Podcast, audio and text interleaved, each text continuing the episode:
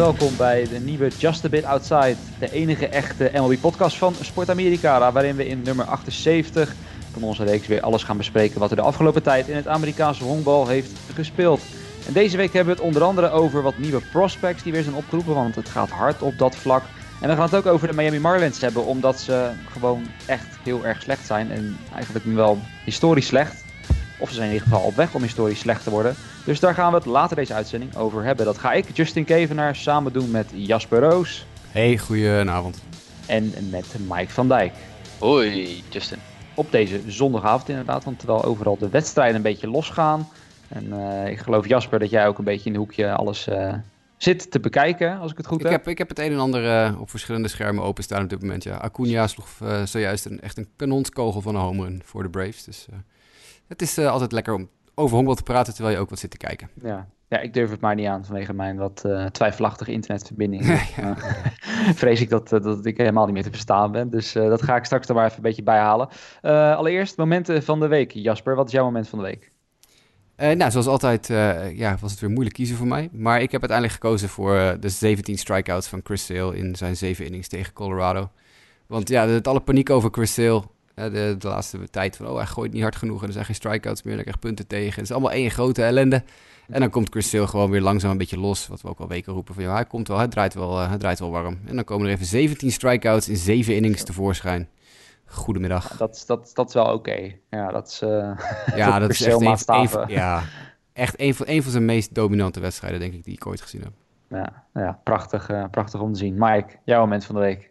Mijn moment van de week was het, uh, het field momentje van CJ Crone. Het was uh, Tim Beckham die aan slag was voor de Sierra Mariners. En die slaat de bal eigenlijk richting een beetje de hoek van het, uh, het eerste honk. En CJ Crone staat daar, wat, die, die, die field als het ware backhand de bal. En moet hem als het ware dan dus achter zijn rug om teruggooien naar het eerste honk. Waar dan de, de pitcher Martin Perez net aankwam lopen. En ik vond dat echt ja, dit was echt een, een hoogstandje, een defensief hoogstandje. Dus CJ Crone krijgt van mij het moment van de week. Ja, en daarnaast ook aanvallend heel goed bezig, maar daar gaan we het straks over hebben als we het even weer kort over de Minnesota Twins gaan hebben. Uh, mijn moment van de week, en dat ga ik een beetje dan meteen delen met, uh, met Jasper om daar een bruggetje naar te maken naar zijn winnaar en verliezer van de week, want het is Ryan Fireabend. Uh, we hebben net geleerd in het Duits betekent dat sluitingstijd, maar Ryan Fireabend die mocht zo'n beetje tien jaar na zijn laatste start, mocht hij weer zijn opwachting maken als werper bij de Toronto Blue Jays. Ehm, Jasper, en dat was tegen jouw White Sox en dan mag jij hem verder nemen, want je had hem wel als, als soort van ja, denk symbolische winnaar van de week vanwege zijn comeback. Maar het, de start zelf begon niet heel erg lekker, hè? Nee, de start zelf was, was niet heel uh, goed of zo. Maar goed, we hebben het over een linkshandige knuckleballer. Hè? Dat is ja. uh, iets wat je niet zo heel veel ziet. Een jongen die zijn carrière ja, eigenlijk uit zag gaan als een uh, ja, niet zo'n goed brandend firetje, denk ik. en toen naar Azië vertrokken is, Korea, Japan, daar in die hoek een tijdje gehonkbald heeft. Daar eigenlijk een knuckleball ontwikkeld heeft.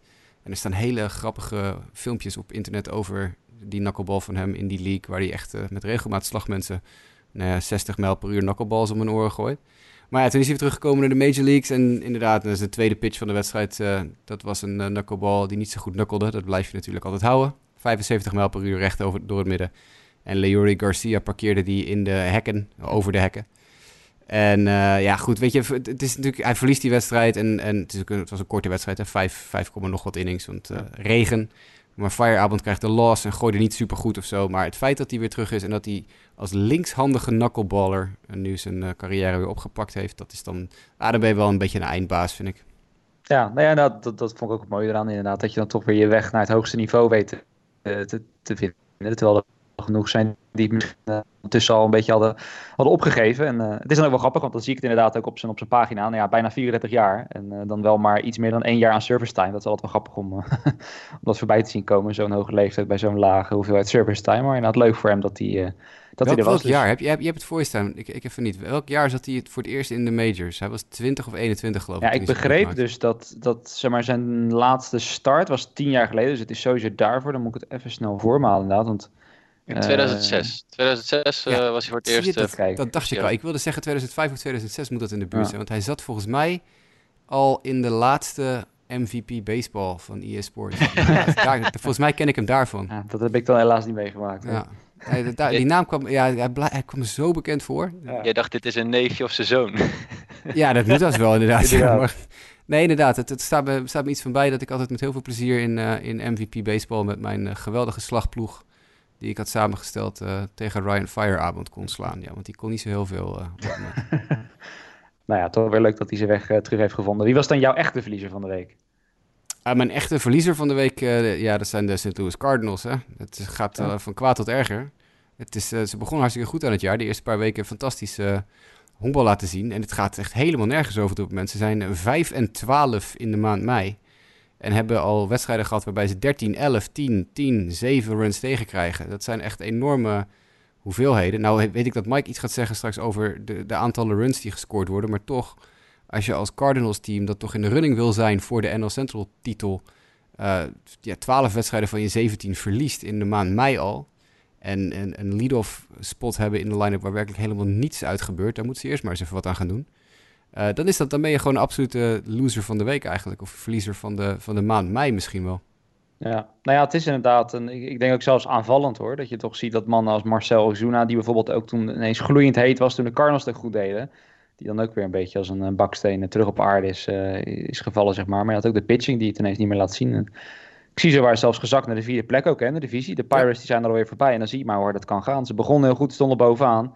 En ondanks dat natuurlijk alles nog te overzien is, 3,5 wedstrijd achter de Cubs, uh, ja, is dat toch wel een flinke val uh, die ze hebben gemaakt daar. Dus benieuwd hoe ze dat weer gaan trekken de komende tijd. Mike, jouw winnaar en verliezer van de week. Yes, mijn winnaar van de week het zijn de Los Angeles Dodgers. En wel om de volgende reden. Zoals Jasper net al aangeeft. Er worden in, mijn beleving de afgelopen week zeker. Uh, bijzonder hoge wedstrijdscores neergezet. En Jasper die had een tweetje er ook uitgestuurd. volgens mij was het donderdag. de, de Brewers die een 11-3 voor stonden. De Athletics die 17-3 voor stonden. En de Rangers 16-1 dat ik echt dacht van gaat het nog over honkbal? Of, of wat, wat is er aan de hand zeg maar dat nog zoveel runs in, in, in, op één dag. Maar ook gewoon op de dag daarna was er, waren er nog een paar wedstrijden met double, digit, double digit scores. Uh, ik heb heel even gekeken naar de statistieken. We zitten op dit moment op 1,3 home run per wedstrijd. Dat uh, was vorig jaar 1,14. En we zitten op 4,6 runs per game. En dat was vorig jaar 4,45. Dus er, wordt, er wordt heel veel gescoord. En des te moeilijker is het eigenlijk om, om de nul te houden. En de Los Angeles Dodgers hebben, hadden in de laatste, hebben in de laatste zeven wedstrijden vier keer een shutout win behaald. En dat vind ik toch wel uh, erg knap. Dus die vind ik de winnaar. dat zijn de winnaars voor mij. En als verliezer, ja, vorige week had ik hem ook al. Dat was Vladi Guerrero Jr. Nu is hij de afgelopen week echt volledig uh, ja, losgekomen. Met uh, onder andere drie home runs. Maar een van de luisteraars, uh, Leonard, had mij op Twitter gevraagd om hem deze week nogmaals tot loser van de week zeg maar, te nomineren. Zodat hij hopelijk komende week de eerste home run van Vladdy Guerrero Jr. in Rogers Center, Toronto gaat meemaken. Dus bij deze. Nou, hopelijk heeft het, heeft het effect. En ook op de Blue Jays in zijn algemeenheid. Een team mogen wat dat betreft ook wel iets beter honkbal gaan laten zien. Dan had ik nog mijn eigen winnaar en, uh, en verliezer. En die, die zal ik enigszins kort houden. Winnaar heb ik maar gewoon ordinair de number one fantasy player van de afgelopen week genomen. Bij gebrek aan inspiratie. Dat is namelijk George Bell. Dat vond ik ergens wel verrassend. Dat, dat was me toch een klein beetje ontgaan. Maar die heeft toch de afgelopen week wel een, een week gehad waar je u tegen zegt. Uh, eh, 500 batting average, 5 homers, 14 RBI's. En nou ja, toch wel leuk voor een Pirates team. Wat Mike eigenlijk vorige week of twee weken geleden aanhaalde. als toch een een lichte verrassing, omdat ze zowaar competitief zijn vooralsnog. En dat het toch wel leuk is om te zien dat Josh Bell zich in ieder geval op dit moment uh, lijkt te ontpoppen tot, tot, toch ja, mogelijk nieuwe ster daar binnen dat team. Die ze eigenlijk niet meer echt hebben, vooral sinds McCutcheon en Garrett Cole daar, daar zijn vertrokken. Dus uh, vond ik leuk om te zien dat hij zo'n goede week had. En benieuwd weet of je, weet, je, weet, je, weet je wat daar het frustrerende aan is, aan Josh Bell? Nou dat ik hem twee jaar geleden in al mijn fantasy leagues gedraft had. Helemaal weg was van Josh Bell. En dat ik hem vorig jaar in drie van mijn vier fantasy leagues had. En dacht van, nou, dit gaat het jaar worden. En na twee jaar zo teleurgesteld ja, door iemand die ik vanuit de minors zo ontzettend te gek vind. Want ik vind hem al jaren echt heerlijk om naar te kijken. Echt gewoon zo'n stopzinnige power, weet je wel. Fantastische slagman, veel walks. En dan komt nu dit eroverheen als ik hem helemaal nergens in fantasy heb. Ja, patience is a great virtue. Soms moet je dan inderdaad dus iets meer dan twee jaar wachten. Dat uh, geeft je geen ongelijk dat je het, uh, dan weet je ook de hoop had voor. Maar goed, vooralsnog dus heel erg goed. Uh, en iemand waarin we, nou ik denk nog geen hoop verliezen, maar Corbin Burns. We hebben hem denk ik in eerdere podcasts wel eens een keer aangehaald. Een beetje ook een, nou ja, een darling van jou en Jasper van de Milwaukee Brewers. Een werper met in potentie geweldige pitches. vorig jaar ook vanuit de boelpen heel erg goed. Dit jaar maakte hij de transitie naar starter Ging niet heel erg lekker. Is even teruggestuurd naar AAA. Is nu weer terug als reliever. Leek weer goed te gaan. Maar van de week had hij echt ja, van de meest belabberde relief outings misschien wel van het jaar. Hij gaf in 0.2 inning gaf hij 7 runs op. Drie home runs ook in de inning waarin de Atlanta Braves echt de hele wedstrijd volledig, uh, volledig opengooiden. Dus ERA staat daardoor op 10.21.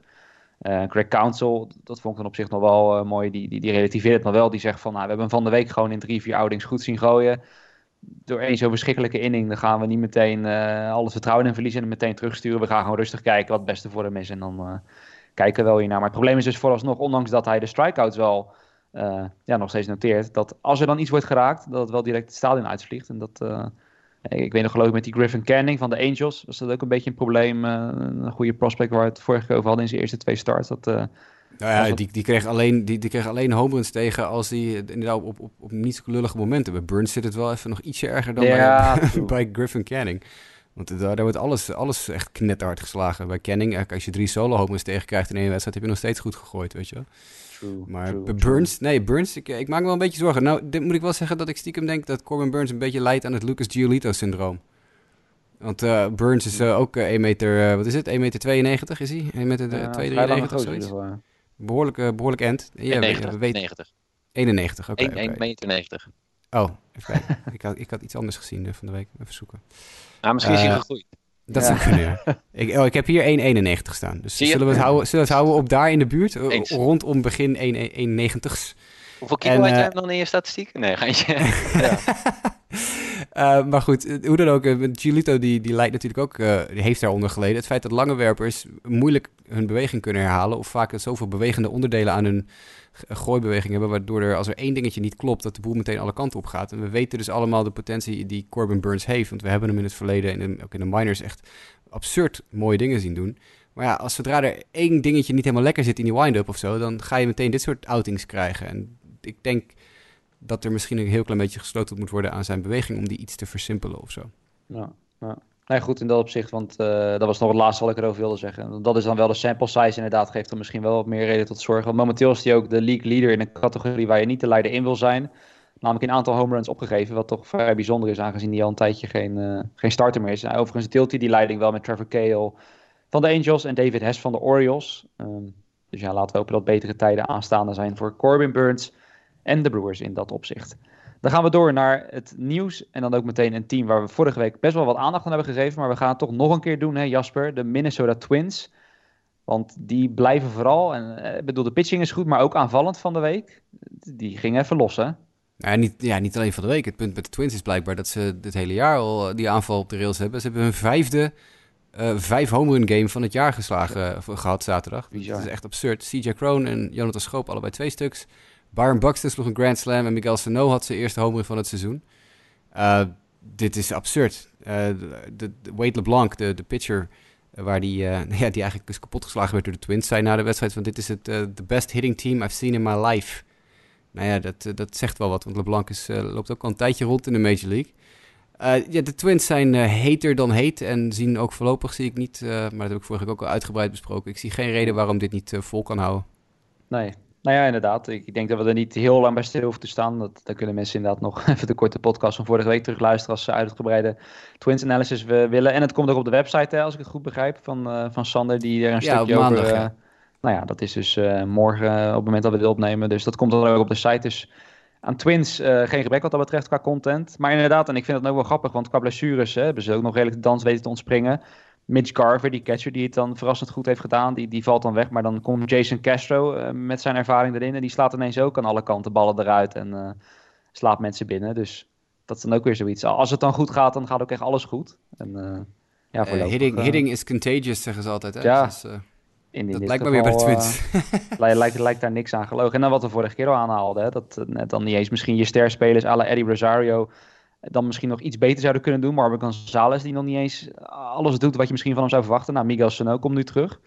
Dus het, kan misschien nog beter. En dat klinkt wel, uh, ja, dat klinkt wel gek. Dan iets anders wat wel een beetje gek was. Uh, Derek Holland bij de San Francisco Giants. Mike, jij bent altijd onze, onze medisch, uh, medisch expert. Alleen ja, bij Derek Holland is dus het bijzondere. Dat, dat was, men dacht dat er iets was, medisch gezien. Maar toch ook weer niet. Ja, ja, het is ook een beetje. Uh, we hebben een, uh, hier een team wat waar het niet echt lekker draait op dit moment. En ja, Derek Holland is natuurlijk een van de sterwerpers op dit moment van de geweldige rotation van de San Francisco Giants. Not. maar hij was door de front office geeft hij zelf aan in een interview, gevraagd om een, uh, een injury te faken. En daar was hij zelf niet trots op, gaf hij aan in het interview. En uh, in dat interview liet hij volledig uh, zijn emotie de vrije loop door te zeggen dat hij eigenlijk geen vertrouwen heeft in de front office. En dat ze al, allerlei dingen continu aan het veranderen zijn. En dat hij zoiets heeft van, nou ja, ik weet niet wat ze willen doen. Ik, ik doe wat er gevraagd wordt. maar ik ben niet trots op dat ik dit heb moeten doen. nou ja, Farhan Saidi, de president of the baseball operation van San Francisco, had gezegd van, nou ja, hij noemt het faken, maar uh, dat is waarschijnlijk omdat hij denkt dat hij ermee door kan gooien. Maar wij vonden het, uh, uh, dat dat niet het geval was. gewoon een heleboel. Ja, als het niet met een goed, goed met een team loopt, dan krijg je dat dit soort dingen naar buiten komen. En dat spelers ontevreden zijn. En het, het, het, het, klopt gewoon op dit moment niet bij San Francisco qua clubhouse. En ik vind dat zonde. Zeker ook in het, het laatste seizoen van Bruce Bochy. Dat je dit soort dingen meemaakt. ja, dat vind ik, vind ik niet chic.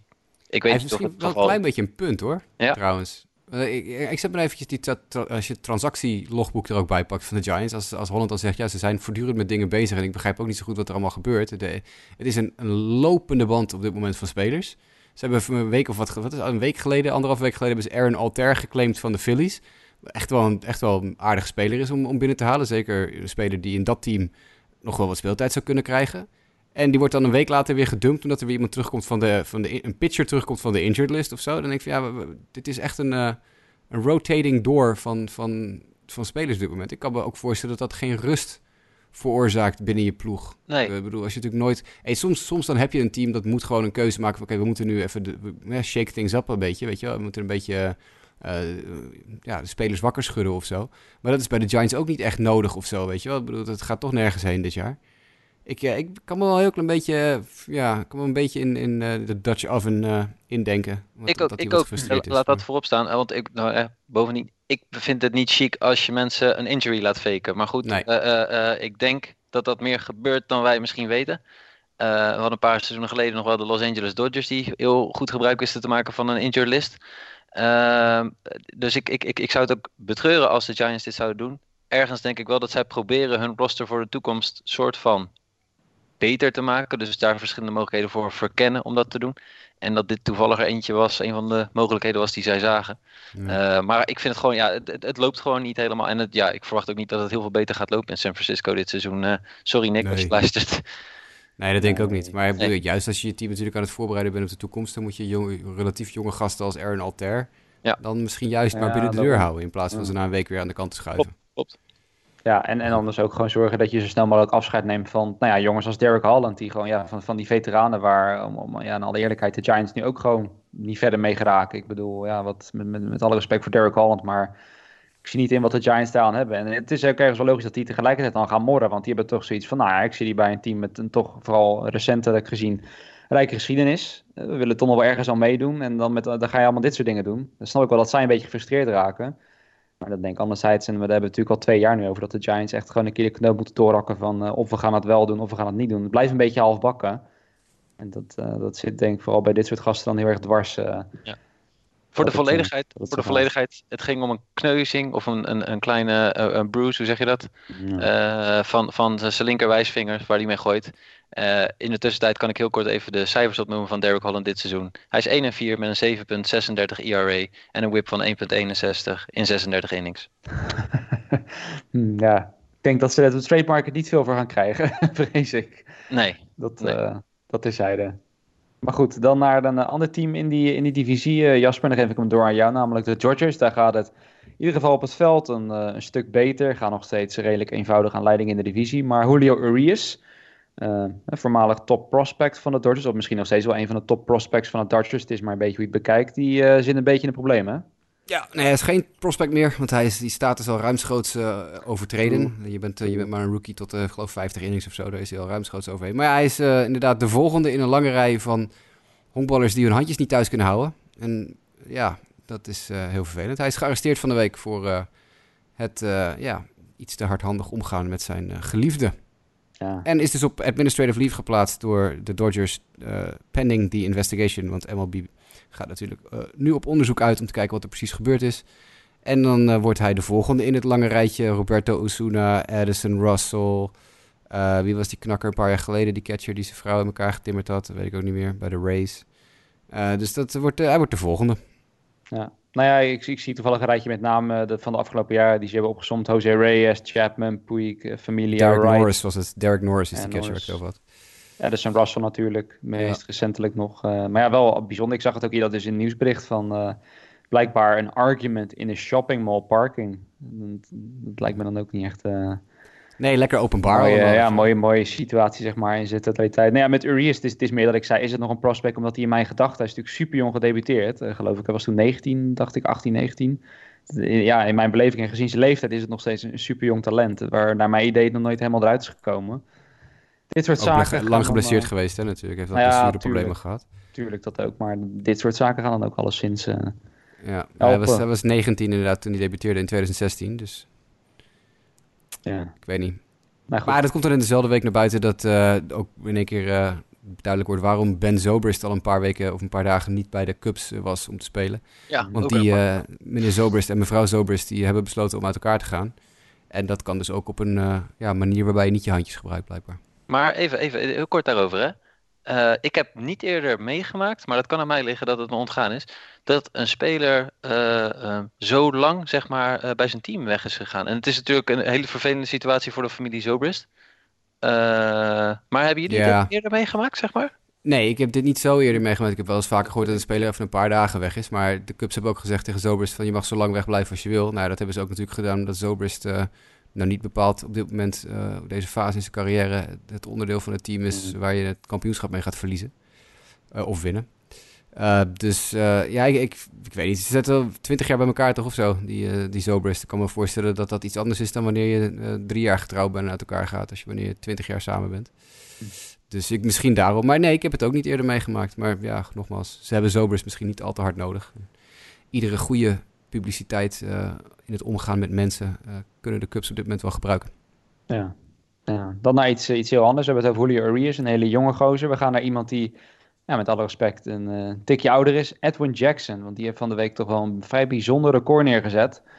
Hij gaat namelijk, of hij heeft daar al gespeeld, voor zijn veertiende team, de Toronto Blue Jays. Ja, we zeiden net dat ze Ryan Firearm er tegenaan gooiden, maar ook Edwin Jackson dus.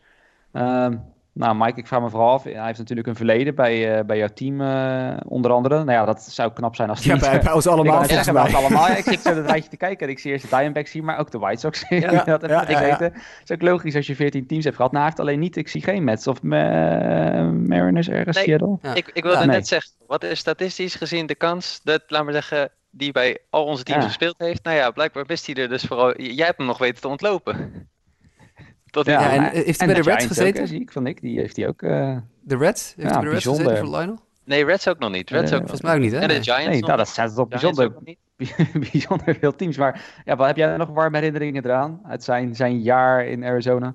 Uh, ja, ja, ja, ja, want uh, hij gooide ooit een no-hitter. ah, ja, tuurlijk, dat was toen, ja. Toevallig nee. uh, vorige week nog over de, gehad. Toen gooide hij met 138 ballen een no-hitter tegen de Tampa Bay Rays destijds. Ah, ja, ja, klopt, ja. Dus hij kan af en toe goed zijn. En ik vind het toch ook wel ja, grappig hoe zo iemand dus nog steeds zeg maar, met het talent uh, uh, zo lang eigenlijk al in de, in de Major League rond blijft hangen.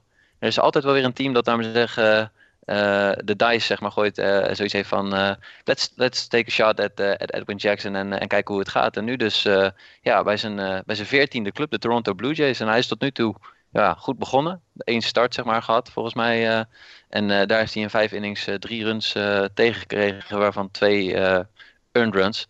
Ja, dat, dat, dat, dat lijkt erop dat er nog een start aan zit te komen, zou ik zeggen.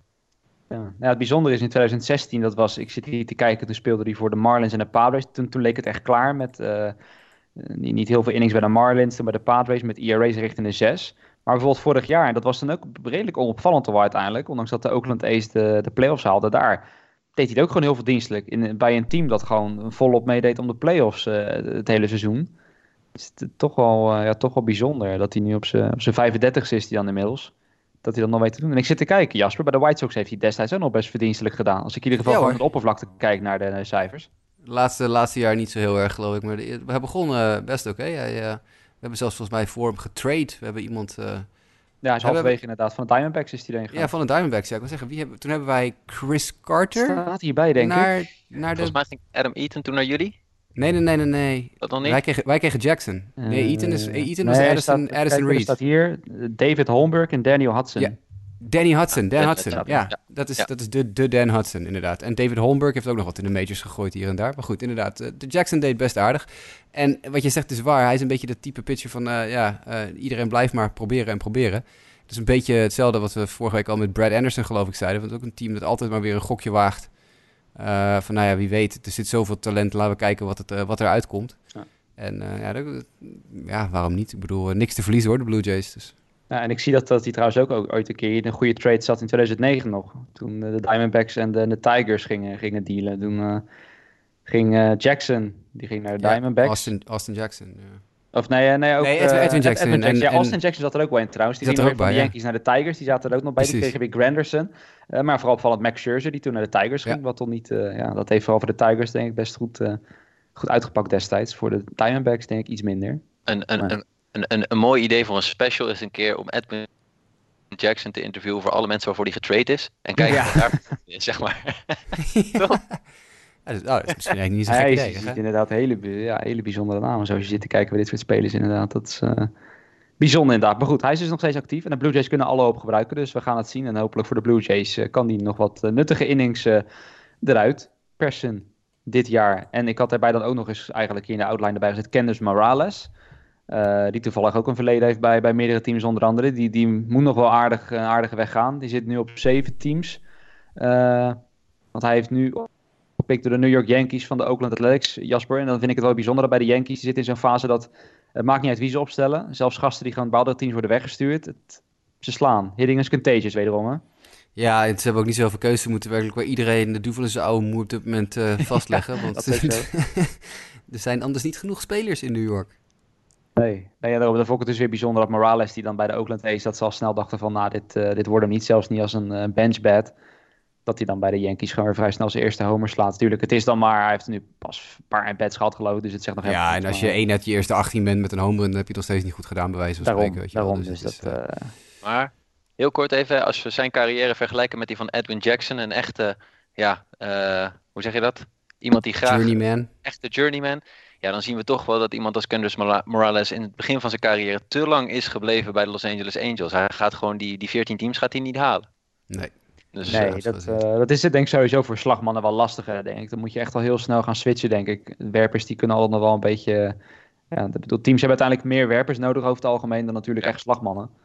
Dat, dat spreekt dan ook denk ik wel in je voordeel als je Edwin Jackson eh, heet in ieder geval. Nou goed, dan hebben we het over genoeg oudjes gehad. Gaan we terug naar jonkies.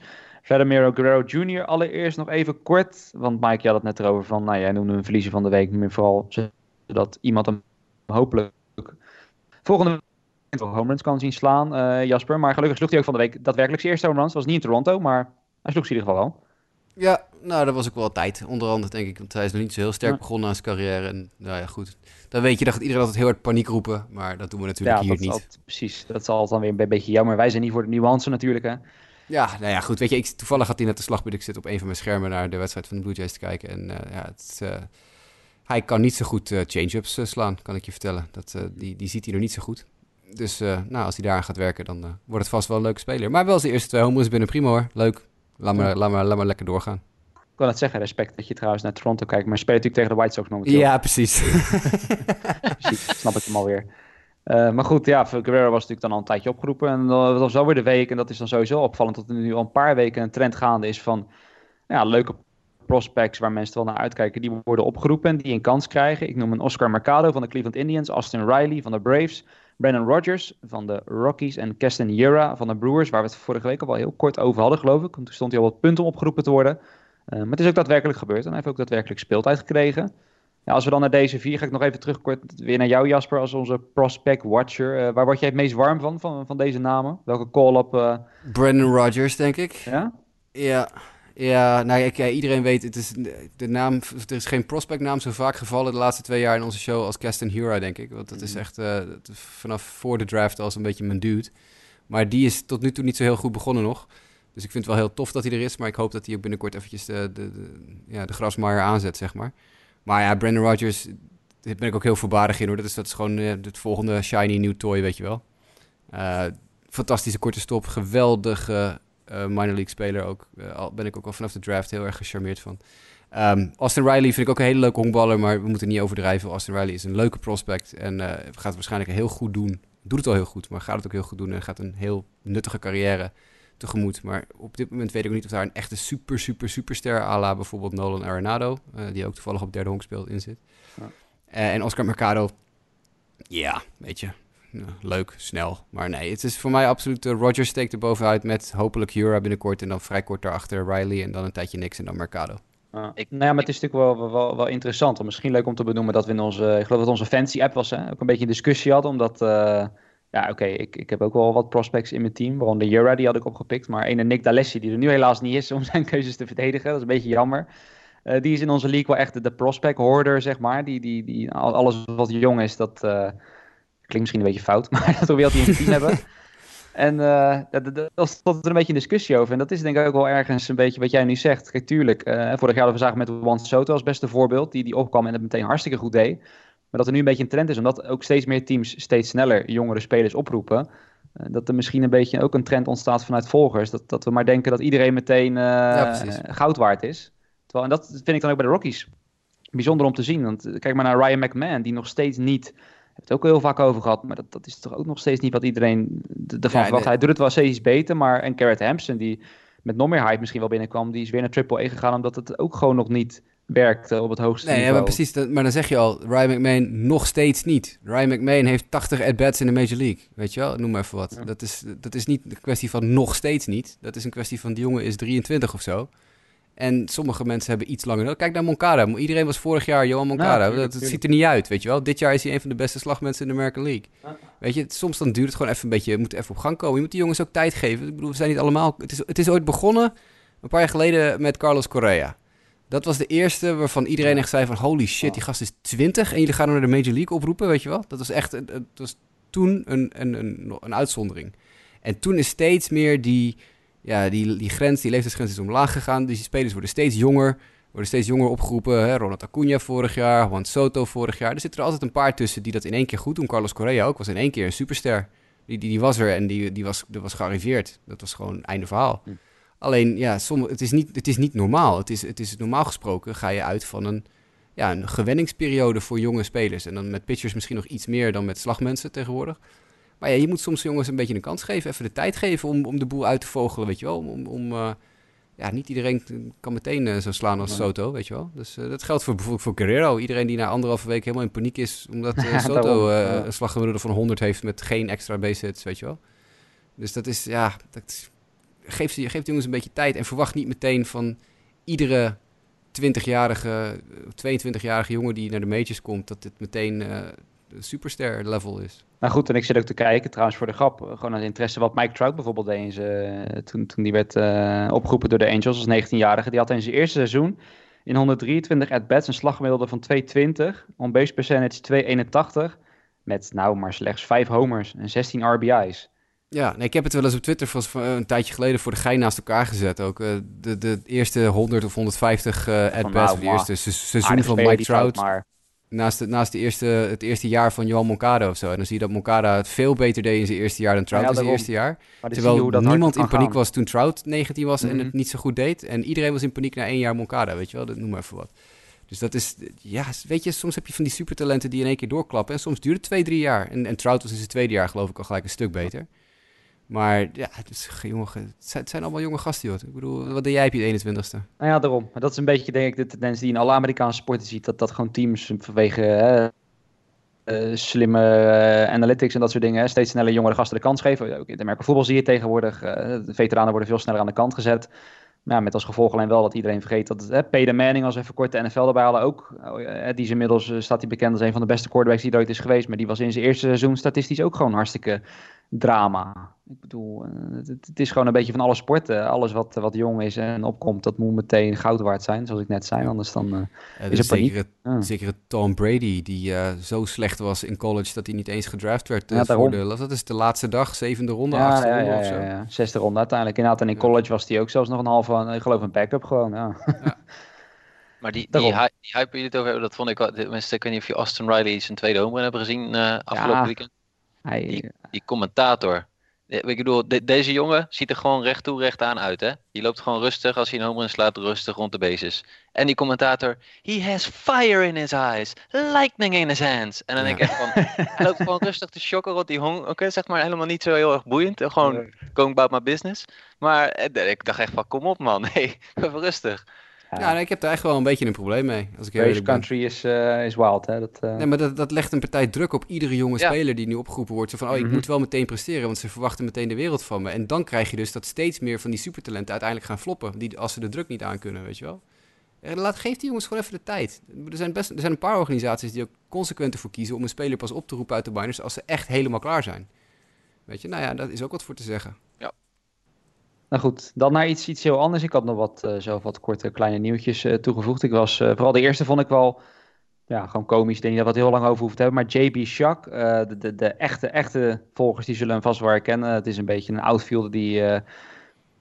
ja, typische journeyman waar we het net over hadden, maar dan niet echt eentje van de, van de ijzersterke variant. Hij, hij slaat geloof ik 2,43 over zijn carrière, meer dan 1000 plate appearances in de majors.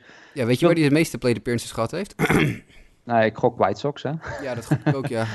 Oh, jezus. Ja, dit, dat, is een, een tijdperk waar ik niet meer aan terug wil denken trouwens. Hoor. Nee, precies. Nou, de Pirates die hadden dus aan het begin van dit jaar zoveel blessures... dat ze ook met JB Shak, met alle respect voor meneer Shak... Uh, dat nee, hij daar moest, uh, ja, moest aantreden. Uh, uiteindelijk is hij nu weer van het 40-man roster af. Maar in AAA zijn ze met een experiment bezig. En dat is namelijk dat JB Shak...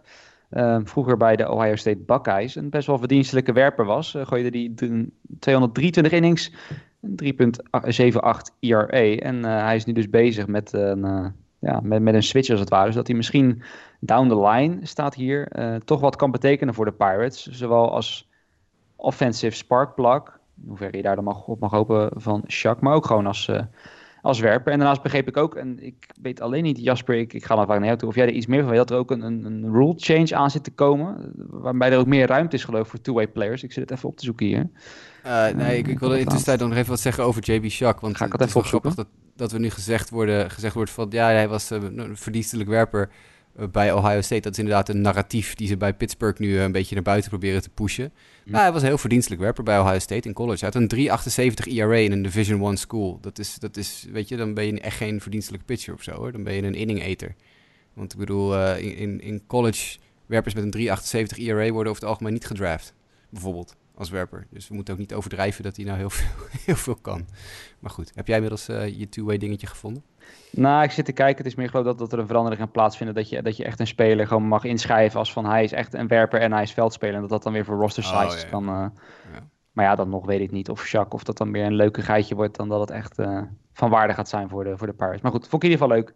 Wilde ik delen, hoef het denk ik verder niet over te hebben. Waar we het misschien wel even kort over kunnen hebben. De San Diego Padres doen het nog steeds best wel goed. En we hebben het vaak benoemd. Ze missen alleen nog eigenlijk echt die ace, die, die, die, die echte ervaren starter of starters zelf, die je ploeg echt verder kunnen helpen. En nou uh, bracht Ken Rosenthal naar buiten dat ze best wel bezig zijn geweest met Trevor Bauer ook dit offseason. Maar ook onder andere Marcus Stroman, Noah Syndergaard. Dat soort namen kwamen voorbij. Uh, uiteindelijk nergens uh, beet gevonden. En is een beetje de vraag, en dan zal ik hem eerst aan jou geven, Mike. als rivaal met jouw Diamondbacks van de Padres. ja, ze zijn dus schijnbaar nog steeds naar op zoek naar een number one starter. Heb jij wat in gedachten wat misschien zou kunnen werken voor die Padres en waar ook misschien een match zit voor hun? Poeh, goede vraag. Nou, ik vind op zich de naam die ze, die ze net noemen eh, van Trevor Bauer altijd interessant. Ja, uh, dat vind ik uh, de 30 andere teams ook, ja. Ja, dat, no rocket scientist. Maar uh, ja, nee. kijk, ik blijf bij Trevor Bauer heeft gezegd, ik ga één jaar deals tekenen voor contenders. Ik weet niet of ik dan zou tekenen bij de San Diego Padres. Ik bedoel, want dan zou je niet voor het maximale geld op zich uh, in mijn beleving gaan. En ik denk, ik, ik ben benieuwd of zij volgend jaar al echt een, een contender gaan zijn. Ik mhm. zit net heel snel even door te kijken naar welke starting pitchers er dan volgend jaar op de free agent market beschikbaar komen. Maar daar word je niet echt vrolijk van. Ik, ik zat ook een beetje aan trades te nou ja, bijvoorbeeld als je naar de trade market misschien kijkt. Dan, precies. Stroman had ik ook op mijn lijstje staan hoor, toen je, toen je dat uh, Dat is natuurlijk nog wel. Inderdaad, omdat natuurlijk de Blue Jays, dan moet je naar dat soort teams gaan kijken denk ik. Ik las ook Mike Miner bijvoorbeeld ergens. Die, die heel ja, dat zou ik niet doen. Voor de, Mike ja, Miner heeft nu, ja, die heeft nu ineens het niet weer een hartstikke goed seizoen, maar daar kan je niet op vertrouwen. Nee, weet je, weet je wat ik wel een, een beetje een, een gekke fit misschien zie? Uh, Madison Bumgarner. Ja, ja. ja. Ja. Ik, zie, ik, zie, ik zie wel dat misschien... Want de Giants willen er best wel van hem af, min of meer. Mhm. hij heeft geen no-trade naar San Diego, uh, Baumgartner. Die heeft natuurlijk heel tactische no-trade list gekozen van zeven teams. Dat zijn allemaal contenders. Uh, categorieën Yankees, Cubs enzovoort enzovoort. Dat is dus zijn no-trade list, omdat hij op die manier zelf kan beslissen naar welke contender die gaat. Dat is heel slim. Dat is eigenlijk voor het eerst dat we een speler dat zo zien doen. Meestal kies je een no-trade list met, met teams waar je gewoon helemaal absoluut niet heen wil. Maar Baumgartner heeft een no-trade list samengesteld op basis van puur alleen maar contenders, zodat hij kan kiezen uiteindelijk. Want je gaat natuurlijk vanuit dat een speler als Baumgartner aangetrokken wordt door een contender, door een team dat in de race is en halverwege het jaar een pitcher nodig heeft. Dan kan hij zelf dus bepalen naar welke contender die toe gaat. Dat het niet zo is van oké, ik, ik word nu naar de Cubs gestuurd terwijl ik denk dat ik bij de Yankees meer kans heb of zo, noem maar even wat. Heel slim van hem. Maar de, de Padres staan er dus niet op. Dus je zou ook kunnen zeggen van, uh, nou ja, de Giants kunnen hun rebuild beginnen door eindelijk Bumgarner te lozen. Die natuurlijk niet meer de echte oude Bumgarner is. Uh, Maar ja, nog steeds denk ik wel een, uh, een, gat invult in die rotation bij de Padres. Van en ervaring en een lefty en iemand die, ja, toch, hoe je het ook bent of keert, die innings op, voor je op gaat eten. Um, en ik bedoel, wat mij een beetje verbaasde, dat hoorde ik van de week. Weet je hoe oud Madison Bumgarner is? 30. 29 volgens mij. Ja, precies. Maar eind van het seizoen ja. is hij... Maar holy, ja, is... holy shit man, weet je hoe jong dat is? Gewoon, ik had echt het gevoel dat hij echt al 35 was man. Dan, uh, ja. Nee, maar hij is al zo lang natuurlijk ook in de, in de league. Hij is al vanaf zijn twintigste geloof ik in de league. Dus op een gegeven moment ga je dat ook een beetje uit het oog verliezen. Maar die, die is nog best wel jong.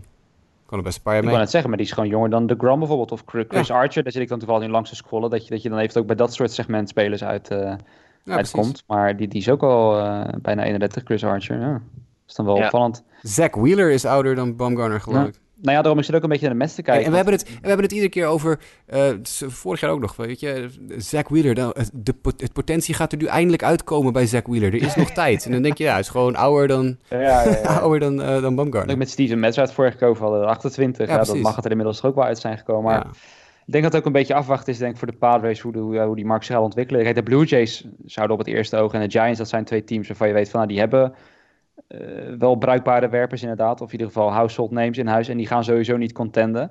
Maar ja, anders zou je ook naar de Mets kunnen kijken inderdaad. Als dat echt sideways gaat daar. En uh, management besluit daar toch echt van... Het, het kan gewoon niet verder zo, uh, zoals het nu gaat. Ja, en en nog één. daar gaan shoppen. Maar daar kan Mike misschien nog iets, uh, iets meer uh, licht over schijnen. De Padres hebben natuurlijk een payroll, een van de laagste in baseball. Zelfs met Manny Machado en Eric Hosmer. Het is, het is nog steeds niet ja, zo dat er heel veel geld rondloopt. Je weet al waar ik heen ga natuurlijk. Ja, ja, ik vrees het wel. Ik vrees het wel. Ja, wat, uh, wat dachten we van Zach Greinke? Volgens mij heeft hij wel een full no-trade clause. Ja, nou ja, goed. Het wil niet zeggen dat hij niet naar San Diego nee, zou willen. Nee, Greinke, nee, Greinke is toch een West Coast. Uh, liefhebber van de West Coast. Uh, ja, tenminste, hij, zit, hij zit al wel daar in die buurt. Dus dat, dat, dat, zou zeker een mogelijkheid zijn. Ik denk dat, ik ben benieuwd of de, de, de Diamondbacks graag in division traden. Dat vind nou, dat is mijn volgende punt inderdaad. Ja. Ja. Is dat ja. iets wat je... Maar een, een aantal namen die ik nog verder voorbij zie komen, zeg maar, waarvan ik zeg van, nou, dat, dat, misschien is het voor uh, ver gezocht, maar het is een optie. Steven Strasburg kan na dit seizoen uit zijn contract opten. Maar dan zal hij dus wel een flinke pay raise vragen van San Diego. Maar dat zou een interessante naam kunnen zijn. En uh, iemand als Corey Kluber heeft ook een, uh, een buy-out en een cluboptie. Ik weet niet of. Ik weet niet, het is afhankelijk van hoe die gaat herstellen van die breuk. Mm. Uh, ja. of dat een arm is, zeg maar, die nog, waar je nog wat mee te maken wil hebben. maar dat, ja, verder denk ik. Ben ik nou, Strasburg is wel, is wel denk ik, fascinerend. Want Strasburg heeft natuurlijk ook. En dan ga je die allemaal meteen. Oh ja, zeggen. College van Steven Strasburg was. Oh ja. San Diego, Diego State. State. Kijk, Tony Gwynn. hometown boy. Ja. Dus, uh, nou ja, goed, hij komt geloof ik zelf niet uit San Diego, maar hij heeft wel natuurlijk uh, bij San Diego State gespeeld. ja, nee, absoluut. Dus ja. hij kent de omgeving, hij kent, uh, hij kent de stad. en, en ik denk dat als het met de Nationals zo doorgaat als nu, met weer een jaar van, Precies. weer een jaar van absoluut onderpresteren, dat hij ook wel zoiets heeft van, nou weet je wat, dan, dan wil ik dat. Ik vind dat echt een heel goede suggestie. Die zou trouwens ook, die trade zie ik misschien ook serieus gewoon wel in season eventueel gebeuren. Ja, dat is misschien helemaal gek. Als de ja. Nationals helemaal crashen. Ja. Nou ja ik bedoel, dat is uh, 100 miljoen geloof ik die hij nog heeft staan voor vier jaar. Nou, dan kunnen ze dat is iets betalen. wat uh, de Padres wel kunnen doen. Ja. Goed, ik ben, ja, dat vind ik best een goeie. Maar het is inderdaad interessant. Nee, ik denk toch uiteindelijk dat, dat ze bij een segment gaan aankomen van... Uh, met alle respect voor die gasten, maar een beetje Chris Archer, Mike Miner, Lance Lynn. Ja, dat zijn geen nummer 1. Dat zou natuurlijk... geen van allen nummer 1. Nou, ja, precies. Maar dat ze dat dan misschien toch proberen te verkopen als, als omdat, meer omdat het maar mannen met ervaring zijn en die dan dit seizoen misschien net iets boven hun kunnen gooien. Tenminste, dat is vooral het geval van Miner dan trouwens. Ja, uh, nee. ja, of, of je moet Derek Jeter bellen voor, voor Caleb Smith natuurlijk. die is toch, uh, hij, is, hij is 28, die gaat de volgende Marlins uh, search ook niet meer meemaken. Dus bel Jeter maar op en kom maar. Ik kan me... Uh, er was toch nieuws over Caleb Smith, of niet? Laatste nou, nee, ik weet niet. Ik las, ik, ik las toevallig wel. Nee, dat was dat Justin weer zo'n obscure Miami Marlins uh, pitcher had opgepikt in fantasy. Dat, dat, dat was het nieuws. Oké, oké. Justin, Justin denkt nu dat iedere Miami Marlins pitcher Caleb Smith is. Derek Jeter die, die, die, die heeft daar iets. Nee, ik las toevallig wel, maar dat was, dat was gewoon meer artikel in de zin van dat uh, Derek Jeter toch een trade uh, goed had gedaan. Dat was dat die Caleb Smith geloof ik voor, werkelijk niets van de Yankees heeft, heeft over kunnen nemen. En dat hij daar nu als het ware, in ieder geval zoals het nu verloopt. En het lijkt ook echt wel, er lijkt ook wel echt iets in te zitten dat uh, ja, dat hij dit langer gaat volhouden, zeg maar. Ja, dat hij daar toch wel een goed deeltje heeft mee, uh, meegesloten met Kelly Smith. Dus misschien voor de Padres ook nog uh, interessant. Jin Ryu, anyone? Ja, maar zouden de Dodgers dat... Die hebben natuurlijk met Ma Maeda weer, die, die redelijk, die nu weer op de IL staat. Dat is schijnbaar onschuldig iets te zijn, maar die houden dat liever toch wel zelf achter de hand, denk ik. Nou, dat denk ik ook wel. Maar ik bedoel, hij staat wel goed te gooien. Maar hij is natuurlijk altijd geblesseerd. Dus ik weet niet of je dan of je die goed neemt als je de Padres bent natuurlijk. Maar... Ja. ja. Hmm. Nou ja, dat is een, uh, dat is een mooi bruggetje van altijd geblesseerd naar het, uh, het medisch bulletin van Mike meteen. Want er is toch wel weer het een en ander gebeurd, ook op medische front, toch? Ja, er zijn weer wat dingetjes uh, gebeurd. Ten opzichte van vorige week weten we in ieder geval dat Carlos Rodon definitief Tommy John surgery moet ondergaan, gaat ondergaan. heeft ondergaan. Heeft ondergaan inmiddels zelfs. Dit is afgelopen week gebeurd? Afgelopen woensdag. Kijk, dus die zien we eind volgend seizoen met een klein beetje voorspoedig herstel terug. Maar dat denk ik dat dat zelfs. Ja, augustus, augustus op zijn vroegst volgend ja. jaar. Dus als jullie volgend seizoen de playoff push maken, dan is hij erbij. Uh, misschien. oh, aan allebei de kanten. Kijk, en ik zie ook dat jullie uh, Nate Jones, de reliever, kwijt zijn. Weer, ja, Nate Jones, die valt uit elkaar. Die heeft, uh, wat had hij nu ook alweer? Iets ook aan zijn onderarm.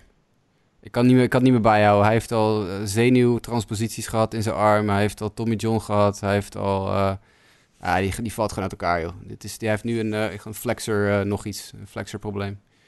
Dus, uh, nou ja, goed. laat maar gaan. Kijk, ehm, Tyler Glass hebben we het vorige week ook even over gehad. Die heeft tijdens de start toen aangegeven van het gaat niet meer, ik moet er vanaf. die gaat als het goed is vier tot zes weken missen met een, een milde forearm strain. ik ben benieuwd of het hierbij blijft. Dat is altijd even afwachten. We kunnen maar het alleen maar hopen. Maar... Ja, voor nu is het even uh, positief nieuws. Maar laten we hopen. Kunnen ze mooi, als hij, als hij dan toch eraf gaat met uh, de bekende kwaal, als je een forearm strain hebt gehad, dan kunnen ze mooi uh, omruilen met Brent Honeywell, die tegen die tijd dan weer fit is. Kijk, oh, yes. Michael Conforto, die heeft een, een hersenschudding overgehouden na een botsing met Robinson Cano. Dan moet ik even aan Justin vragen. Justin, heb jij dit gezien of niet? Nou, ik heb het wel in de herhaling voorbij, voorbij zien komen. Ja, dat, ik heb het namelijk niet gezien. Ik heb alleen het bericht gelezen. Maar kan je, kan je een insight vertellen van wat hier precies aan wat er hier precies misging? Nou ja, behalve dat er wel vaker dingen misgaan bij de Mets. Nou ja, het was gewoon een hele ongelukkige, ongelukkige botsing tussen, tussen die twee, waar Michael Conforto vooral het slechtste er, er vanaf kwam. Dus ja, vervelend alle dat soort dingen. Vooral natuurlijk aangezien de mensen de laatste tijd niet heel goed bezig zijn en Conforto toch een beetje een lichtpuntje was. Maar ja, Mets blessures, dat blijft een ding. Yes. Uh, positief nieuws is dat uh, bij de Washington Nationals korte stop Trey Turner terug is van zijn blessure. Die heeft dit weekend in de serie tegen de Chicago Cubs zijn comeback gemaakt van de injured list. Heeft gelijk twee wedstrijden gewoon allebei ook honkslagen geregistreerd. Dus dat is mooi voor de Nationals. Dat kunnen ze wel gebruiken. En Carlos Martinez, de pitcher bij de Cardinals, is ook weer terug. Ehm, maar als ik het goed heb, is nog even onduidelijk of hij naar de bullpen gaat of in de rotatie. Ja, dat is goed. Ja. ja. ja, het is inderdaad, want als je, ik zal het even snel erbij halen. Ze hebben nu een rotation met Miles Michaelis, Dakota Hudson, Jack Flaherty, Michael Walker en uh, Adam Wainwright. Uh, nou ja, of iets wat Adam het Wainwright... Het lijkt van Adam Wainwright. Ik wil het zeggen, ik zoek het woord, maar ja, het lijkt van Adam Wainwright. dat staat er nog, uh, dat staat er ook nog te gooien. En ze zitten nu inderdaad, Carlos Martinez staat voor nu in de bullpen. Terwijl die zelf al wel vaker, ik geloof voor het seizoen heeft laten doorschemen dat hij er eigenlijk niet op zit te wachten. Dat hij gewoon wil starten. Uh, maar, de, maar de die zouden aan de andere kant weer, en dat zijn ook weer geruchten, dan het liefst hopen dat mocht Jordan Hicks, uh, mocht dat toch falen, het experiment als closer, uh, dat het toch een beetje uit elkaar valt, omdat het nog een hele jonge gozer is, dat ze dan misschien Martinez er tegenaan kunnen gooien. Maar dat, dat lijkt hij zelf niet echt te willen. Aan de andere kant, dat loopt nu best wel slecht. Dus je zou zeggen, nou gooi dan Martinez maar weer eens een keer als start op de heuvel. Kijken hoe die terugkomt. Maar ja, het is voor nu, voor nu onduidelijk. En ook nog één blessure trouwens, dat ik zit te bedenken, die stond een beetje onduidelijk in de headline ook. Maar dat was natuurlijk ook Miguel Andujar, dat was er ook wel... Uh, Klopt. Groot nieuws dat hij echt natuurlijk met zijn schouderblessure helemaal eraf ja. ligt. Ze hadden het geprobeerd om het op een andere manier hem weer fit te krijgen. Maar in zijn week, ongeveer twee weken, die hij in de Major League weer was, op het Major League roster heeft gestaan. Ja, bleek toch eigenlijk wel dat er, dat er meer moest gebeuren aan die schouder. En die is nu klaar voor de rest van het seizoen. Ja, dus nu gaan we een heel jaar kijken naar Gio Urshela. Bring it on. Ja, oh ja oh, combinatie, van dat, hoor. ja combinatie denk ik van Gio en uh, eh, DJ LeMayu. Ik denk inderdaad dat op een gegeven moment het... Uh... Ja, maar Gio, die slaat 3,53 jongens. Die ja, op dit uh... moment slaat Gio 3,53. Ja, en over een maand praten we verder en dan slaat hij 2,22. Stiekem Sauvignon Blanc was het toch? Ja. Of ja. Sauvignon Blanc was het toch? nee, ik, heb, ik heb er niks op gezet voor Gio. Dat had ik wel even moeten doen. Maar dat... Nee. Ja, we gaan het zien. Voorlopig, ik zag dat ik van de week had hij weer een wedstrijd dat hij weer, dat, dat hij weer beslissend was. Dan denk je, nou, wat de fuck. En hij zit er geloof ik in onze Fantasy League. Uh, staat hij nog op de waivers, hè? Uh, toch is het wachten, denk ik. ik dat, Ja, ik, ik weet het niet hoor. Het zou me niet verbazen na deze week. Want ik weet niet, ja, hij is alleen third base eligible, denk ik. Of is hij ook second base? Nee, 2 en 3. Ja, zie je. Second base is er wel wat zwakker. Het zou me niet verbazen als iemand in onze league wanhopig wordt en het toch gaat, uh, gaat proberen. We, we, gaan het zien. Maar ja, dat, uh, dat wordt waarschijnlijk voor nu dan met Lemeo inderdaad een uh, platoentje daar. Maar vooralsnog lijken die eens al prima op te kunnen vangen. Wonderbaarlijk genoeg. Ja, nou dat is... Het, ik moet, ja, ik, dit, is, dit is eigenlijk nog even heel snel een bruggetje naar zeg maar goed honkbal. Leuke serie op dit moment tussen de Yankees en de Rays. Ja, en ook een, ja, een leuke serie ook wel tussen de Red Sox en de Astros. Waarbij je eigenlijk toch wel ziet dat deze teams serieus allemaal kunnen honkballen. Uh, en dat zorgt voor, uh, voor boeiende wedstrijden, vind ik tot nu toe. Ja, ja de Astros is misschien nog wel uh, goed om dan even nog kort te benoemen. We hebben daar helemaal niet over gehad. Maar die, hebben nu geloof ik, wat was het, tien wedstrijden achter elkaar gewonnen. Ja, die spelen echt gewoon honkbal. Niemand, niemand heeft ze genoemd als winnaar van de week. Maar dat had op zich ook wel terecht ja, We zijn niet dus, verrast. We zijn er niet verrast. Nee, maar dat is het. Maar, goed, toch wel als je dan weer ziet hoe dominant ze zijn tegen de Red Sox. Die weer even een soort van terugleken dan is het natuurlijk toch wel weer even een statement wat ze maken. Van nou jongens, Boston is dan niet waar ze, waar ze horen te zijn als ze ons aan willen kunnen. Dus in dat opzicht zijn ze dan wel een winnaar, vind ik. Dat ze dat statement hebben gemaakt. Vond ik ook. Ik vond toch wel de wijze waarop ze dan zo'n Red Sox uh, team aan de kant zetten. Waarvan je denkt van de Red Sox zullen echt wel uh, uh, ja, goed partij geven. Het, zijn goede wedstrijden. Maar ik, ik vind het wel knap dat de Astros gewoon die wedstrijd tot nu toe winnen. Maar ja, vandaag is er nog een wedstrijd. Op dit moment staat het 1-1 in deze wedstrijd. Ja, nou goed, een ander team wat op zich ook wel bezig is aan de winstreeks. De Miami Marlins. Twee wedstrijden achter elkaar gewonnen. Uh, wel van de Mets trouwens. Dat is dan wel weer een beetje pijnlijk natuurlijk. Maar we wilden het even kort erover hebben. Ik had het in de intro al erover. Want de Marlins die... Uh, nou goed, ze zijn niet goed bezig. Dat is een understatement. Dat is denk ik wel duidelijk voor iedereen. Maar Jasper, je had in de outline had je wel dingetjes op een rijtje gezet om aan te duiden hoe slecht het tot nu toe gaat. En dat ze ook wel misschien op weg zijn naar geschiedenis, hè? In de slechte ja, zin. Nou, dat, dat, haakt in eerste instantie ook een beetje aan bij wat Mark, uh, Mark, haha, Mike eerder in deze, wedstrijd, in deze podcast zei. Uh, namelijk dat er zo verschrikkelijk veel gescoord wordt en dat het zo knap wordt als een pitcher of een pitching staff de nul weet te houden over negen innings. Uh, de Marlins krijgen dat ook niet goed voor elkaar, want uh, die zitten aan de verkeerde kant van de medaille eigenlijk. Want die krijgen dus juist wel weer heel veel shutouts om de oren. Zo slecht is die, is die offense. En uh, misschien ja, zo goed is de pitching die ze tegen ze krijgen. Maar dat valt ook wel een beetje mee. 20% van de tijd dit seizoen worden de Marlins uh, uh, op de nul gehouden. En dat is natuurlijk ja, juist in dit jaar, juist in deze honkbalfaseperiode, is dat echt ja, dramatisch, denk ik. en daarmee ja, verliezen ze natuurlijk heel veel. En ze liggen op dit moment op schema om meer dan 120 wedstrijden te verliezen. Ik geloof op dit moment op 121 staan of zo. Maar goed, hoe dan ook, meer dan 120 voorspelde verliespartijen op dit moment. En als dat inderdaad gaat lukken, als ze er over de 120 voorbij gaan, dan breken ze het modern day record van de Mets uit 1962, die er 120 verloren. En dan heb je natuurlijk nog de Tigers in 2003 die er 119 of zo verloren. Maar uh, dat record zou er dan aangaan. En uh, dan, ja, ik denk niet dat ze het, uh, het, worst ever record gaan breken. Dat waren de Cleveland Spiders uit 1899, die 20 en 134 gingen.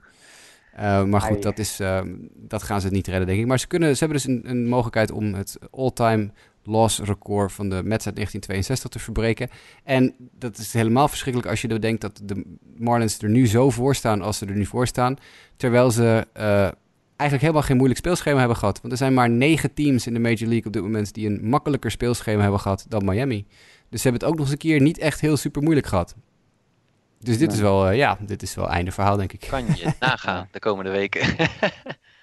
nou ja, moet ik wel zeggen dat ze Nou ja, dus ik zit te denken, daar gaan we het straks nog wat verder over hebben. Maar de Royals en de Orioles zijn een beetje de twee teams die vaak in één adem worden genoemd met de Marlins. Als, ja, met alle respect, de drie meest kansloze teams op dit moment in de MLB.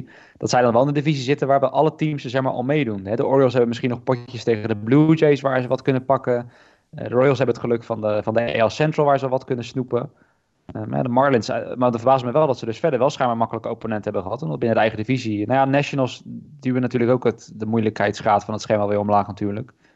Dus, ja. Maar goed, ze doen wel in ieder geval alle vier mee, dat wil ik meer zeggen. Dus dat, dat zou het dan misschien wel moeilijker kunnen maken. Maar bijzondere hieraan vind ik dan wel weer, en dat is dan ook wel weer het curieuze aan, aan wat honkbal soms is, dat Jacob de Grom dan, uh, was eergisteren, tegen de Marlins gooit en die geeft in vijf innings zes runs op. Zes earned runs. Tegen deze Marlins. Ja, iedereen heeft wel een slechte ja, dag. Dat is dan echt niet, niet te verklaren, zeg maar. En kijk naar die line-up. En dan, ik zie wel Brian Anderson, uh, waar we toch wel...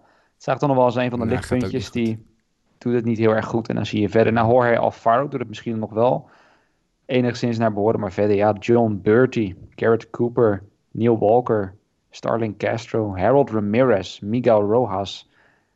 De, de, helft, de Klinkende helft, namen. Ja, de helft ken ik niet. En de andere helft, die, die, ken je wel, maar die wil je eigenlijk niet, liever niet in je team hebben, zeg maar.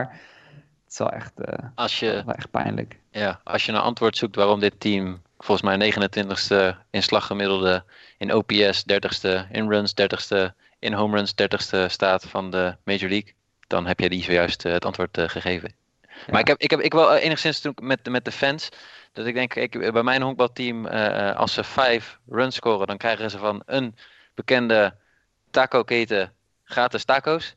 Dat is er bij de fan, fans voor de Miami Marlins komend seizoen gewoon. Het is tot nu toe nog niet geweest en ik zie het ook somber in dat dat gaat gebeuren, zeg maar. Nee, dus, dat, uh, die, die, en lijkt me klein, ja. de, de, de bezetting in het stadion uh, zal dit ook geen goed doen, deze prestaties. Nee, en het is zonde, want oké, okay, ik ga nog één keer naam van Caleb Smith noemen, maar aan de pitchingkant is, ja, sorry. Aan de pitchingkant is op zich is het dan nog wel oké. Okay. Als je ziet, daar staan ze, ik geloof team ERA staan ze 20ste of 21ste of zoiets. Uh, omringd door team als, teams als de Angels. Uh, die staan wel zelfs nog onder Nationals, Rockies. Nou ja, oké, okay, Coors Field. Maar Tigers, White Sox, Mariners, Rangers, Royals en Orioles. Die staan allemaal een stuk slechter voor qua ERA. Dat daar op zich die, nog Maar wel... die scoren punten. Ja, dat, dat, dat, is inderdaad het probleem inderdaad. Dat, dat is het qua probleem, pitching, ja. dat ze op zich nog wel wat in huis hebben. Wat bruikbaar is. En waarmee ze wedstrijden kunnen winnen. Bijvoorbeeld gisteren wonnen ze dan ook weer van de Mets dus. Wonnen ze met 2-0. Nou ja, dat, dat kunnen ze wel winnen. Maar het is echt zo moeizaam. Want dan, win, dan scoren ze dus maar twee runs. Maar dan is het genoeg omdat, uh, even kijken, wie gooide er zo goed? Pablo Lopez. Die dan uh, de nul weet te houden met zijn boel. Ja, en dan moet je kijken naar die vorige start van Pablo Lopez. Ja, dat, dat, dat heb ik, dat heb ik geweten, ja. Ik had hem in fantasy die week. En oh, ik heb nou hem gestart. ja, nou hier. Wat was het? Uh, acht, acht earned runs ja, tegen of zo? Hij had, dat is echt... ja, de, de, Caleb Smith Jr. dacht ik, maar dat viel ja. precies tegen. En gisteren laat hij het ineens weer zien. Maar goed, wel tegen de Mets die ook wel zwaar gehavend zijn. Dus uh, gaan zien hoeveel dat waard is. Maar ja, de Marlins inderdaad, het is, uh, het is treurig. En toevallig las ik dan Ken Rosenthal in een uh, bericht dat Dan Mattingly, we hadden het over de, qua hot seat er al over. Wij maakten ons ook niet echt zorgen voor dit seizoen vooral. dat hij eruit uit de laan gegooid zou worden. Maar volgens Rosenthal is de kans wel aanwezig, zeer aanwezig, dat hij na dit seizoen wel de weg moet ruimen voor iemand anders. En ik weet dan niet wel dat toen ook erover, ja, wat moet je ervan vinden als je niks hebt om mee te werken. Uh, ja, en wie gaat die baan willen, joh? Houd toch op. Dat is het ook vooral. Je gaat in ieder geval niet iemand met, met de naam van Mattingly krijgen, zeg maar. Die, die gaat dat echt niet doen. Of, uh, dat, uh, dat wordt, dat wordt ja, een unicum, denk ik. Dat wordt... Ja. Of, of, halen ze... Of halen president, president en manager Derek Jeter. Ja, of halen ze Ozzy Guillen weer van stal? Vindt hij nee, misschien niet weer leuk om terug te komen? nee, Guillen en Jeter, die liggen elkaar niet zo. Nee, nou ja, dat wel leuke tv geweest misschien. Maar... Dat wel, ja. We kunnen alleen maar hopen. Maar goed, uh, tot slot nog iets. Dat is laatst iets wat ik zelf uh, opgooide. Van misschien is het leuk om daar af en toe wat aandacht aan te besteden. En dat is namelijk de race to the bottom. Want we hebben het nu over de Marlins. Daar hoeven we denk ik verder niet over te hebben. Maar misschien wel leuk om een beetje gaandeweg dit seizoen... een beetje die teams in de gaten te houden. Die, die onder gooi ik mijn Siri aan. Siri, nee, ik vraag het niet aan jou. Kijk, dat is leuk. Uh, ik was bezig met de race to the bottom. Want nou ja, de Marlins staan daarin dus nog bovenaan met 12-31. De Royals staan op 15-31. De Orioles op 15-30. De Blue Jays op 14-27. En de Detroit Tigers op 15-26. En dan een beetje om de twee weken gaan we kijken of er misschien toch nog een beetje licht aan het einde van de tunnel is. Of er nog een beetje wat ontwikkelingen zijn bij deze teams waar we nog enigszins enthousiast van kunnen worden. Maar vooral ook, ja, wie gaat er nou one draft pick binnenhalen? Misschien dat ik dat wel aan zie dat kunnen vragen. Ik weet niet wat zij dan had gezegd. Maar wat zeggen jullie? Even kort, als we nu naar deze vijf teams kijken die bovenaan staan, wie is dan het team dat hier onderaan gaat eindigen. Of bovenaan, hoe je het bekijkt. Marlins. Ja, ik, ik, ik, ga, ik, ja, ik wil voor Baltimore gaan. ik denk, ik denk, de, ja, ik, ja, ik ga voor Baltimore. Mm, ja, ik zit dus ook. Het is het lastige. Het is kies je voor de pitching van Miami die dan toch weer wat beter is, kies je toch voor de offense van de Orioles. Want dat is dus het ding inderdaad. Jasper, wat jij net aannadde. De Royals en de Orioles, die hebben nog wel spelers, in ieder geval van naam, en die ook echt wel de bal over de hekken kunnen slaan. En die wat, uh, desnoods als je bij de Royals kijkt naar Mandesi bijvoorbeeld en Merrifield, die kunnen op de basepads uh, wat, wat schade aanrichten. Ja, en er zitten ook gewoon vooral spelers die nog, waar nog wat toekomst in zit en waar ook wat, wat prospect pedigree in zit. Hè? Ik bedoel, die, dus... die jongens, die Hunter Dozier die bij Kansas City aan het doorbreken is nu, dat is een gozer waar ze ook al jaren op zitten te wachten. En zo lopen er bij Baltimore ook nog één of twee rond in het outfield onder andere. Jongens waarvan je denkt, van, nou ja, oké, dat daar zit in ieder geval nog een track record in de minors waarvan je denkt, nou, dat, daar kunnen we wat mee. Maar die lopen dus, al die namen die je net noemt bij de Marlins, daar heb ik ook nog nooit van gehoord, weet je wel? Nee, nee. Nou ja, het is, ik denk inderdaad wel, dat het, gaat dan echt tussen de Orioles, denk ik, en de, ja, en de Marlins inderdaad. Want vooral de Orioles, die zijn echt, dat is natuurlijk ook al eerder benoemd door Mike, ja, dat is qua werpen gewoon echt heel slecht. Ik bedoel, de Royals zijn ook niet goed hoor op dat vlak, maar de Orioles, dat is, dat is echt gewoon niet normaal slecht. Kan en die blunder van van de week weer gezien? Ja. Van de Orioles? dat was inderdaad Comedy Capers. Zo, de mythe. Die jongens kunnen... Nee, ik zei toch voor de gein, er zijn serieus nu drie teams in AAA die beter zijn dan de Baltimore Orioles. En ik, bedoel, ik kan ze ook gewoon aanwijzen. De, de, El Paso Chihuahuas op dit moment zijn beter dan de Baltimore Orioles. De Gwinnett Braves zijn op dit moment beter dan de Baltimore Orioles. Weet je wel, dat is echt, het is heel bizar om naar te kijken. Dit is echt gewoon een team dat in AAA niet eens bovenaan zou staan. Ja, En ook daar, daar las ik dan van de week weer bij de, bij de Athletic weer in een artikel van... Uh, nou ja, dat het ook niet heel erg gek is dat daar bij Baltimore de aandacht maar ja, flink terugvalt. Ook vooral dit seizoen, qua toeschouwersaantallen. Je ziet, ik zie het ook vaak wel eens bij samenvattingen zo voorbij komen. Dat het een heel treurig aanzicht uh, is wat dat betreft. Terwijl Camden Yards, ik vind het zelf altijd een van de mooiere stadions ja, gewoon om te zien.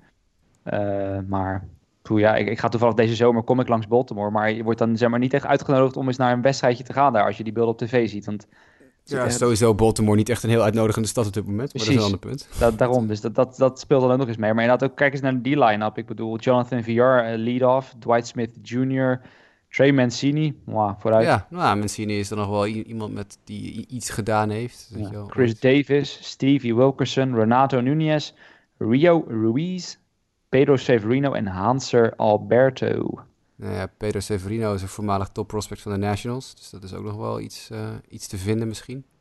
Ja, maar verder... Ik zit heel even te kijken, want meestal heb je ook nog wel zo'n uh, zo'n mooie promotion, zeg maar, van zo'n shirt van een speler. Of ze dat dan ook hebben bij de, bij de Orioles, specifiek van een speler. Want je zou toch niet weten van welke speler je nou echt een shirt heel graag zou willen hebben, of een bobbel. Ja, Mancini dan misschien nog. Dat is denk ik echt de enige, omdat hij ook uit hun eigen systeem komt en zo. En die het dan best wel oké doet. Dat je zegt van nou, daar, daar willen mensen wel je iets wat van, van hebben, maar nee, ik weet niet of ze zitten te wachten. Nee, er zit inderdaad geen hond in het van, uh, van Rio Ruiz, dat weet ik niet. Ze gaan zo meteen zo'n zo'n zo weggevenactie doen van de eerste 20.000 fans krijgen zo'n shirtje en dan houden ze 10.000 shirts over. Ja. Dat, dat komen niet genoeg fans. bij de Tigers ook zo. Bij de Tigers komen inmiddels zo weinig mensen dat het niet meer aangekondigd wordt. Hoeveel uh, toeschouwers er in het stadion zitten. Omdat het zo verschrikkelijk leeg is elke keer dat er niet meer bekend wordt gemaakt hoeveel uh, mensen er überhaupt zitten. En ik zit nu dus Blue Jays White Sox met een half oog te kijken. En daar zijn nu net vijf foutballen geslagen in deze inning. Die zijn vijf keer gevangen door verschillende Blue Jays fans. Zo weinig White Sox fans zitten er in het stadion. Er zitten meer Blue Jays fans dan White Sox fans nu. Ja. Dus het, uh, ja, sommige teams hebben er echt wel een probleem mee hoor. De Orioles zijn er echt wel uh, één van. Ja. Nou ja, goed, ik zie dat ze geen, uh, ze hebben geen spelerspecifieke shirts. Wel een shirtje in, op 1 augustus waarop staat Why Not? En ik weet niet of dat gaat over de kans die we hebben voor de first draft pick of voor de postseason. Maar... Oh. Uh, of naar het stadion gaan. Ja. Why not? ja, waarom wel? Kunnen. Ja. Ja, maar het, uh, het bijzondere is dus, in het rijtje staan er ook nog de, de, de Blue Jays, wat ik toch ergens wel vrij uh, bijzonder vind. Ergens ook weer niet, als je toch dat team nader bekijkt, maar die staan er helemaal niet zo heel ver vanaf. Ik zie wel dat ik het win total had ik wel heel negatief hier neergezet. Die staat 14-27 in de outline, maar ze hebben 18 hebben ze er gewonnen. 18-27, dus zo iets meer gewonnen. Uh, maar ja, die zijn ook, want dat, ja, in dat opzicht, het zijn wel echt ook de teams die in de slechtste vorm verkeren. Het Toronto 3 en 7 afgelopen week. En de Tigers die staan op 1826, die staan nu vijfde in deze race to the bottom. Die zijn 2 en 8, zes achter elkaar verloren. Uh, ja, dit, dit lijken mij ook wel echt de vijf teams, denk ik, die nu in die top 5 staan.